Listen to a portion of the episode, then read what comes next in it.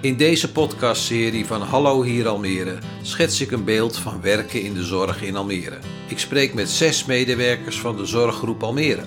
Waarom werken ze in de zorg? Wat is hun drijfveer? Wat doen ze precies? Wat komt er op hun pad en tegen welke problemen lopen ze aan en hoe lossen ze die op? In deze vierde aflevering spreek ik met jeugdverpleegkundige Debbie van Asselt. Ik zit met Debbie van Asselt aan tafel, jeugdverpleegkundige voorzorg bij JGZ Almere. Je bent jeugdverpleegkundige, Debbie, bij de zorggroep. Wat doet een jeugdverpleegkundige en wat betekent voorzorg? Vertel daar eens iets over. Wat, wat houdt je werk in? Nou, jeugdverpleegkundige uh, op het consultatiebureau gaat met ouders in gesprek uh, over de uh, groei, de ontwikkeling, de opvoeding van hun kindje. Ik heb de eerste, ik werk nu 20 jaar bij, bij de zorggroep al, ongeveer. De eerste 15 jaar heb ik als jeugdverpleegkundige op het consultatiebureau gewerkt. En de laatste paar jaren heb ik meer verdieping gevonden in het werk en ben ik voorzorg gaan doen en stevig ouderschap. Ja, voorzorg is een huisbezoekprogramma voor jonge aanstaande moeders die uh, zwanger zijn van hun eerste kindje. Ja, die, die te maken hebben met een opeenstapeling van problematiek. Het zijn vaak moeders die, ja, die in hun jeugd uh, veel hebben meegemaakt, een, ja, een, belast verleden hebben en daardoor ook in risicovolle omstandigheden terechtkomen. En wat, wat zijn dat soort problemen dan? Kan je die nader duiden? Ja, in de jeugd kun je bijvoorbeeld denken aan uh, ja, zelfmishandeld zijn, emotioneel, fysiek, hè, alle mogelijke vormen van mishandeling en verwaarlozing, middelenmisbruik, ja, vooral heel veel hechtingsproblematiek. En de omstandigheden waarin ze terechtkomen, kan je voorstellen dat, dat, uh, dat ze in relaties terechtkomen waar ja, ongezonde relaties waarin mishandeling of uitbuiting eigenlijk heel normaal geworden is. Ja, schulden, uh, geen opleiding. Het is een heel breed maken. gebied dus om ja. mee te maken. En ja. dat is voorzorg, dat is voordat het kind geboren is.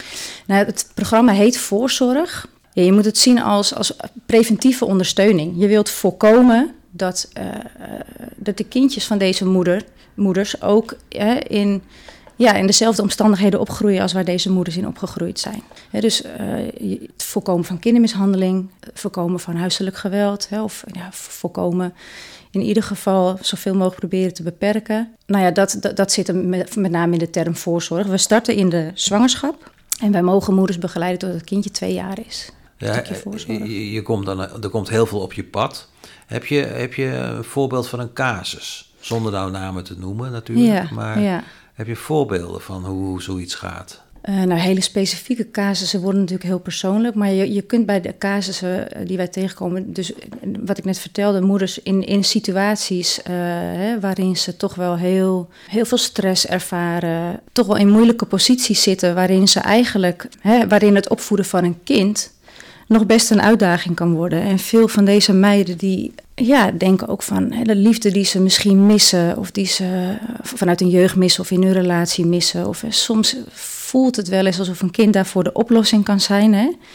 Maar je kan je natuurlijk voorstellen dat als zo'n kindje eenmaal geboren wordt, dat de realiteit heel anders is. Nou ja, dat het verzorgen van een kind en wat dat van een moeder vraagt, eigenlijk alleen nog maar voor meer stress en zorgen hè, zorgt. En wat doe jij dan? Nou, eigenlijk. Praten neem ik uh, aan. Ja, veel praten. Maar eigenlijk, uh, en daarom stappen we ook zo vroeg in, in de, in de zwangerschap al. Omdat wij, ja, we krijgen heel veel tijd en ruimte om met deze moeders een, een vertrouwensband op te bouwen. Dit zijn vaak meiden die in hun verleden ook veel met hulpverleners te maken hebben gehad. Uh, niet altijd evenveel vertrouwen daarin hebben. Hè? En, uh, dat ze, het is een vrijwillig programma. Dus als deze moeders openstaan voor onze hulp, dan, hè, dan, dan, ja, dan willen ze ook iets. Hè? Dan staan ze open voor in ieder geval een stukje steun. Ja, het is gewoon een kwestie van heel erg aansluiten bij de moeder die naast je zit. In hoeverre je echt heel gericht adviezen gaat geven. Maar je begint altijd bij het opbouwen van een stuk vertrouwen, zodat deze moeder ook bepaalde dingen wil horen, van je aan wil nemen, maar ook zelf ja, toch zich zodanig durft open te stellen dat ze met bepaalde vragen komt of met bepaalde zorgen komt. Dus dat, dat is denk ik ja, de kracht van het voorzorgprogramma. Dat is de tijd die wij hebben en het vertrouwen wat wij kunnen opbouwen. Het, het is niet zo dat ze de ene keer mijn collega zien en de andere keer mij als ik het intakegesprek doe met de moeder, dan krijgt ze mij ook 2,5 jaar. Dan blijf je, blijf je inderdaad een paar jaar. Ja. ja. Nou zeggen ze wel eens dat dat soort problemen, zoals schulden, maar ook werkloosheid, dat dat overerfbaar is. Kan je het dan toch voorkomen dat zo'n moeder zeg maar in die valkuil trapt om haar eigen problemen te projecteren op haar kind? het is natuurlijk heel lastig als je niet het goede voorbeeld hebt gehad hè, van hoe iets moet. Om, om, dat dan, ja, om dat dan wel op die manier te gaan doen. Dus daar, dat is het stukje waarin wij natuurlijk ouders heel erg kunnen ondersteunen. Om ze daarin uh, ja, dingen te leren en uh, informatie te geven. En ze in hun kracht te zetten door de dingen die wel goed gaan. Zijn ze dan ook niet goed voorbereid op het moederschap? Nee, vaak niet. Nee, dat, dat, dat, kun je toch als, als jonge vrouw. Hè? En, en in een enkel geval uh, is, is zo'n zwangerschap gepland. Het is vaak natuurlijk ja, een cadeautje, zeg ik altijd, hè? op een positieve manier. Maar eh, vaak merken we wel dat deze meiden, nou, dat, dat zo'n zwangerschap eigenlijk toch ook wel heel welkom is. Dus dat ze zo'n kindje ook wel heel graag willen. Dus vaak zijn die kindjes heel welkom. En willen ze heel graag moeder worden. Maar ze kunnen natuurlijk, ze overzien natuurlijk helemaal niet wat ze te wachten staat op die leeftijd. En dat overzicht geef jij ze? Nou, dat, ja, dat, dat zou ik graag willen, maar uh, daar proberen we ze bij te helpen. Ja, om ze voor te bereiden op wat er gaat komen, op hoe leef je zo gezond mogelijk in de zwangerschap. Ja, wat, wat, uh, ja, wat, gaat er allemaal gebeuren rondom de bevalling? Waar moet je aan denken? Als het kindje er is, waar moet je op letten? Wat is belangrijk in het contact met je kindje? Uh, ja, wat heeft jouw kindje nodig om zich veilig te voelen? Dat zijn hele belangrijke onderwerpen. hoe, hoe, vaak kom je bij zo'n moeder thuis? Uh, in de kennismakingsfase komen we wekelijks. Om echt even ja, die basis stevig neer te zetten. En dan in principe de rest van het programma eens in de twee weken. Rond de bevalling komen we ook weer even een periode echt wekelijks. En verder zijn we heel flexibel. Dus het, programma zoals het beschreven is, is het eens in de twee weken. Op een aantal periodes nadat dat het wat intensiever is. Ja, als het, als het in een bepaalde periode drie, vier keer in de week bij wijze van spreken nodig is. Of telefonisch contact, hè, dan is dat er. En nou ja, goed, het gebeurt ook regelmatig dat de moeders vaak als kindjes een half jaar zijn. Dan hebben ze het allemaal wel op de rit. Soms willen ze dan weer naar school. En dan, hè, dan moeten ze ook veel naar school. Kindjes dan vaak bij de opvang of bij netwerk. Hebben we het dan ook over jonge moeders? Ja, de moeders zijn eigenlijk altijd tot 25 jaar. Zijn eigenlijk altijd jonge moeders. Er zitten zelfs moeders van 15, 16 jaar tussen. Ja. Nou sprak ik in de tweede podcast in deze serie met Nienke Stam, verloskundige. Als ik jou zo hoor praten, dan heeft dat veel raakvlakken met wat, uh, wat Nienke doet. Ja, ja. In, in hoeverre vullen jullie elkaar aan? Nou, eigenlijk is voorzorg een aanvulling op alle andere voorzieningen die er zijn. Hè, zoals de verloskundige, kraamzorg, uh, het consultatiebureau. En voorzorg is een extra stukje wat wij mogen bieden aan, uh, aan deze specifieke doelgroep. Het stevig ouderschap, wat ik net al even noemde, dat is, uh, dat is ook een stukje extra ondersteuning voor ouders die, ja, die zich kwetsbaar voelen, om wat voor reden dan ook, in het ouderschap. En daarin ook gewoon een, ja, een steuntje in de rug kunnen gebruiken of willen. Dus wat jij doet is niet medisch en wat Nienke doet is medisch, moet ik het zo zien? In zekere zin wel. Ik denk dat de verloskundige inderdaad met name, uh, ja, die moet natuurlijk heel veel controles doen, checken of het allemaal goed gaat met de baby. En die doen natuurlijk ook wel een stukje sociaal sociaal, psychisch hè, uh, anamnese afnemen bij deze moeders. Maar op het moment dat er meer tijd nodig is om kwetsbaarheden in kaart te brengen. vaak kunnen verloskundigen wel de kwetsbaarheden signaleren van hé, hey, deze moeder verdient wat extra aandacht. En dan kom jij in beeld. Ja. Zo, zo Dus jullie vullen elkaar echt aan. Ja. Wat, wat doen jonge moeders, jonge ouders nou vaak echt fout? Je zegt, oh, dit is herkenbaar. Hier doen ze iets heel fout. Wat zijn fouten die ze maken? Nou, ik, ik, ik zou dus niet. Wij zijn heel erg gericht op wat gaat er goed. Wij zullen nooit bij een moeder binnenkomen en zeggen: Nou, dit, uh, dit doe je echt helemaal niet goed. Je gaat uit van het positieve. Ja, ja. Ja, tuurlijk. Je, je wil deze moeders in hun kracht zetten. En als jij uh, gezien voelt en, en iemand heeft oog voor wat jij allemaal al wel kan, dan motiveert dat. Dat maakt je sterker als iemand binnenkomt en zegt van nou, dit, uh, dit gaat helemaal niet goed, dan, uh, nou, dan denk ik dat ik de volgende keer niet eens meer binnenkom. Nee, nee, nee, en kijk, als je op een gegeven moment wat vertrouwen, hè, als daar een basis is, dan natuurlijk zien wij ook een hoop dingen hè, waarvan wij denken van hé, hey, voor de sociaal-emotionele ontwikkeling van een kindje zou het fijn zijn als dat anders gaat. Hè. Maar als zo'n moeder dan al, al, als je al kan meegeven dat ruzie maken met haar vriendje waar de baby bij is, hè, of te veel de spanning die dat haar geeft, hè, dat dat uh, voor haar niet gezond is en hè, daardoor dus ook niet voor haar kindje. ja, dan is dat al, is dat al winst. maar we gaan echt uit van het positieve. Je noemt de partner al even. Ja. Die is natuurlijk vaak, niet altijd, binnen beeld. Begeleid je die dan ook? Ja, ja, zeker. We betrekken niet alleen de partner, maar het hele netwerk van, van deze moeders. Zoveel als mogelijk in, in, in het hele voorzorgtraject. Het netwerk is enorm belangrijk. Wij, wij komen eens in de twee weken op huisbezoek en dat lijkt heel veel. Dat, dat is het ook in vergelijking met, hè, met, uh, met de overige voorzieningen. Maar deze moeders moeten op een gegeven moment ook gewoon met de mensen die om hun heen staan uh, het ouderschap vormgeven. En we leven natuurlijk in een maatschappij waar mensen heel erg gericht zijn op alles zelf moeten doen en weinig steun vragen en allemaal best wel erg op, op zichzelf gericht. Dus wij stimuleren moeders juist heel erg om gebruik te maken van dat netwerk. Ja, om het ouderschap ook beter aan te kunnen. Oma en opa inschakelen. Ja, ja.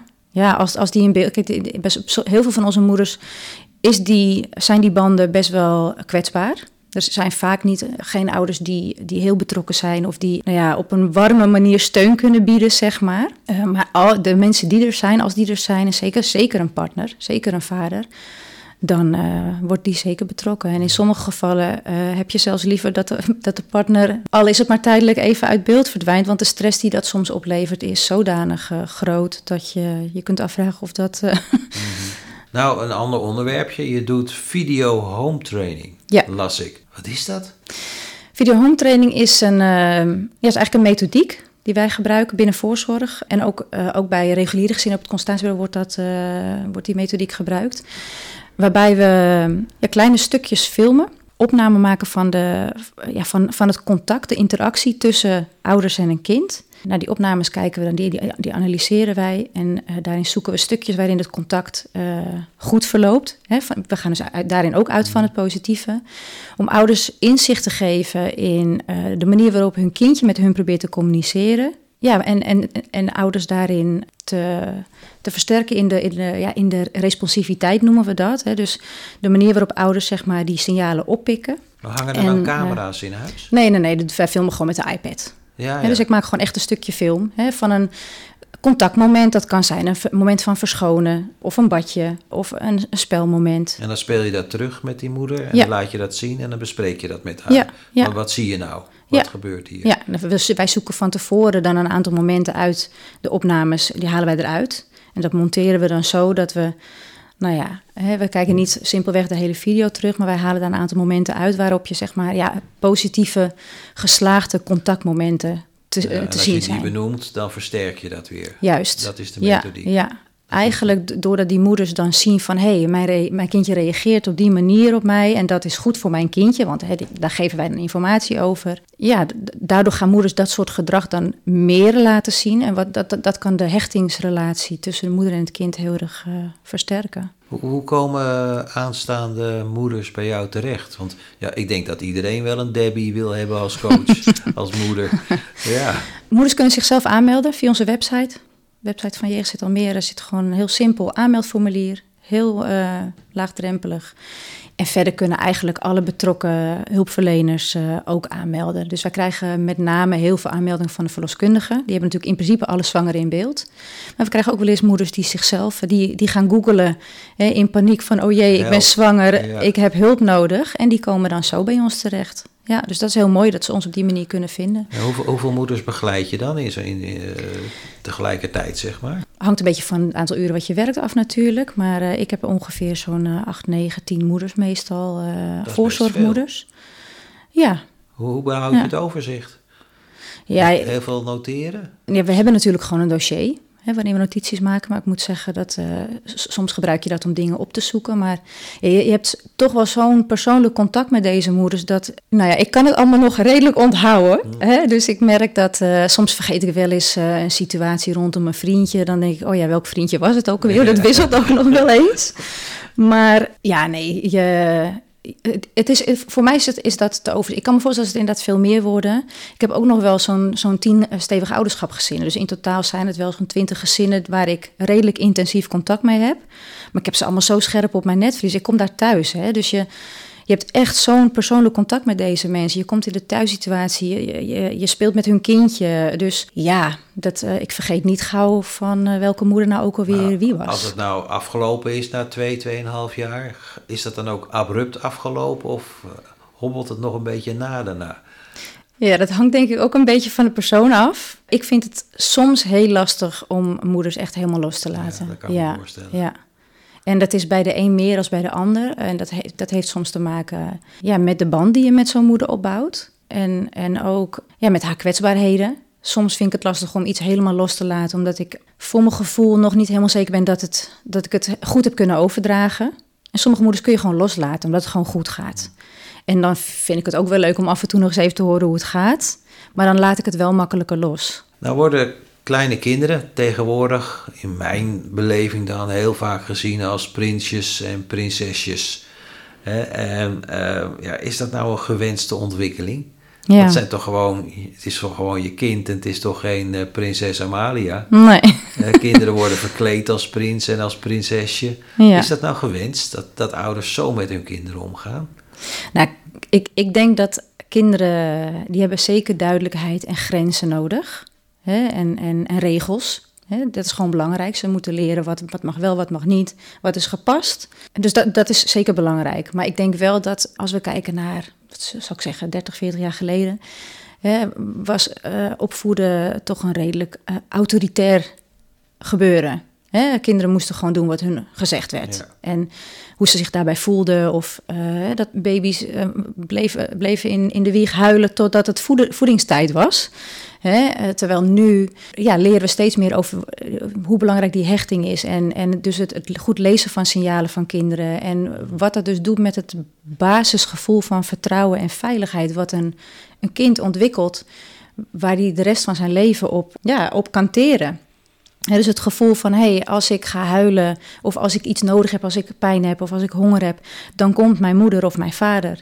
En die, hè, die geeft mij eten en dan voel ik me weer fijn. Of als ik het koud heb, dan word ik, of als ik hè, geknuffeld wil worden, dan word ik vastgehouden. En dat, dat is heel belangrijk. Dus in die zin, ja, prinsen en, en prinsesjes misschien niet, maar wel meer oog hebben voor de, ja, voor de behoeften van een kind. Dat is inderdaad toch wel een heel wenselijke ontwikkeling. Ik denk dat ouders daarin nu uh, inderdaad veel meer oog hebben voor wat heeft een kind nou eigenlijk nodig en hoe voelt dat kind zich daarbij en hoe sluit je aan bij de behoeften van, van het kind. Dus ja, in die zin toch wel een, ja, een wenselijke ontwikkeling. Je begeleidt ook kinderen als ze al geboren zijn en ouders, tot twee, tweeënhalf ja. jaar daarna. Nou, ik heb kleinkinderen, ik heb er vier.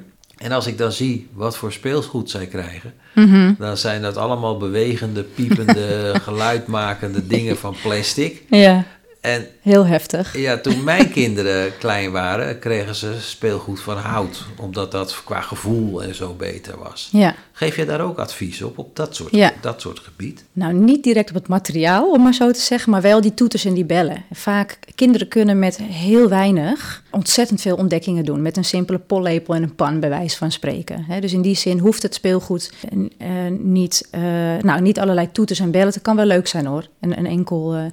Maar waar wij vooral met moeders heel veel over praten is eh, de hoeveelheid van het speelgoed. Dat kan ook flink uit de klauwen ja. Ja, en eigenlijk is dat voor een kind helemaal... Dan, dan wordt de, de berg te groot. Dan kunnen ze ook niet meer kiezen. En dan komen ze ook vaak niet meer tot spelen. Dus we geven daar zeker advies in. Hè? Dat, dat het voor een kind al vaak leuk is om te kunnen kiezen uit twee of drie dingetjes op een dag. Of zelfs in de week. En dat dan zo af en toe eens af te wisselen. En met name ook het stukje hoe je als ouders, welke rol je als ouders kunt nemen in ja, het ontdekken en het ontwikkelen van een kind. Dus als je als ouders met je kind samenspeelt, dan leert je kind er veel meer van dan dat het altijd alleen speelt. Natuurlijk mogen kinderen ook alleen spelen. Je kunt niet als ouder de hele dag op de vloer zitten. Maar eh, die momenten om even samen een boekje te lezen of even samen die toren te bouwen en te kijken hoe je kind reageert als die toren omvalt. Want dat is vaak nog het leukste moment. Hè, dat soort simpele dingen. Dus dat is wel iets waar dat we met... samen beleven, ja. dat is waardevol voor het kind. Heel waardevol, ja. Nou is het kind 2,5 en moeder zegt ik wil weer gaan werken. Mhm. Ik kan me voorstellen dat dat ook toch wel spanningen oplevert. Want dan moet je op een gegeven moment je kindje achterlaten bij de opvang, bij je partner of bij opa en oma die, uh, die gaan oppassen. Komt dat ook op je pad? Dat moeders weer willen gaan werken en dat dat lastig is? Nou, heel veel van onze voorzorgmoeders die hebben hun opleiding eigenlijk nooit afgemaakt. En die, uh, veel van, van deze moeders die willen wel weer terug naar school. En dat kan inderdaad een uitdaging zijn. Hè, om dan een opvang te zoeken of, of bij, hè, inderdaad bij opa en oma. De een heeft daar meer moeite mee dan de ander. Dus we geven daar wel advies in. Maar ze maken daar uiteindelijk natuurlijk een eigen keuze in. En, en sommige moeders die, uh, voor sommige van, van deze moeders is het, het opvoeden van een kindje en het uh, vormgeven van een huishouden is eigenlijk al, is al voldoende. Dat, dat is al een uitdaging. Dus een, een andere dagbesteding daarbij is vaak niet eens haalbaar. Als ze, als ze verder willen gaan leren op school, uh, speel je daar dan ook een rol in? Ja, eigenlijk is dat iets waar we binnen het voorzorgprogramma ook heel veel aandacht aan besteden. Van, hè, hoe zie je jezelf over zoveel jaar? En, en wat, wat zou je dan leuk vinden om te doen? Waar word jij blij van? En hè, welke dromen heb je? En zijn die realistisch? Sommige meiden willen dokter worden. Hè? Is dat haalbaar? En, en uh, als dat niet haalbaar is, wat, wat past dan wel? En wat, wat zou dan wel uh, uh, goed voor jou zijn?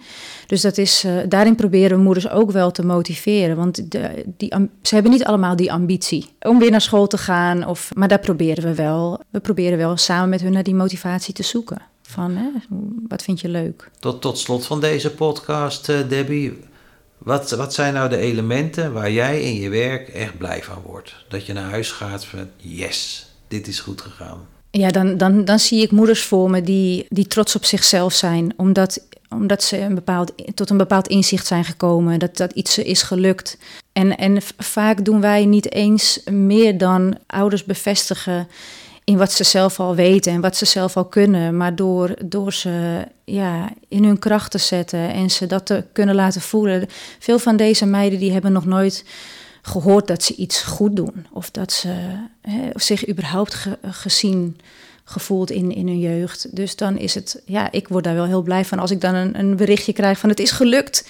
Hè, ze slaapt in haar eigen bedje of ja, of een, een trotse foto die, die, die je dan krijgt van uh, een, een moment waarop ze plezier met elkaar hebben. Of dan denk ik, ja, daar mag ik dan toch ja, deel van uitmaken. Daar heb ik dan toch een, een kleine rol in. En dat, uh, ja, dat, dat vind ik heel leuk.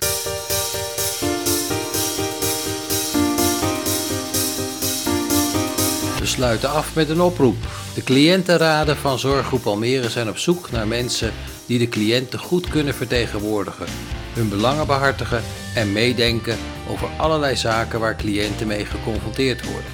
Ze denken mee over de kwaliteit van de zorg en dienstverlening en geven gevraagd en ongevraagd advies aan het management.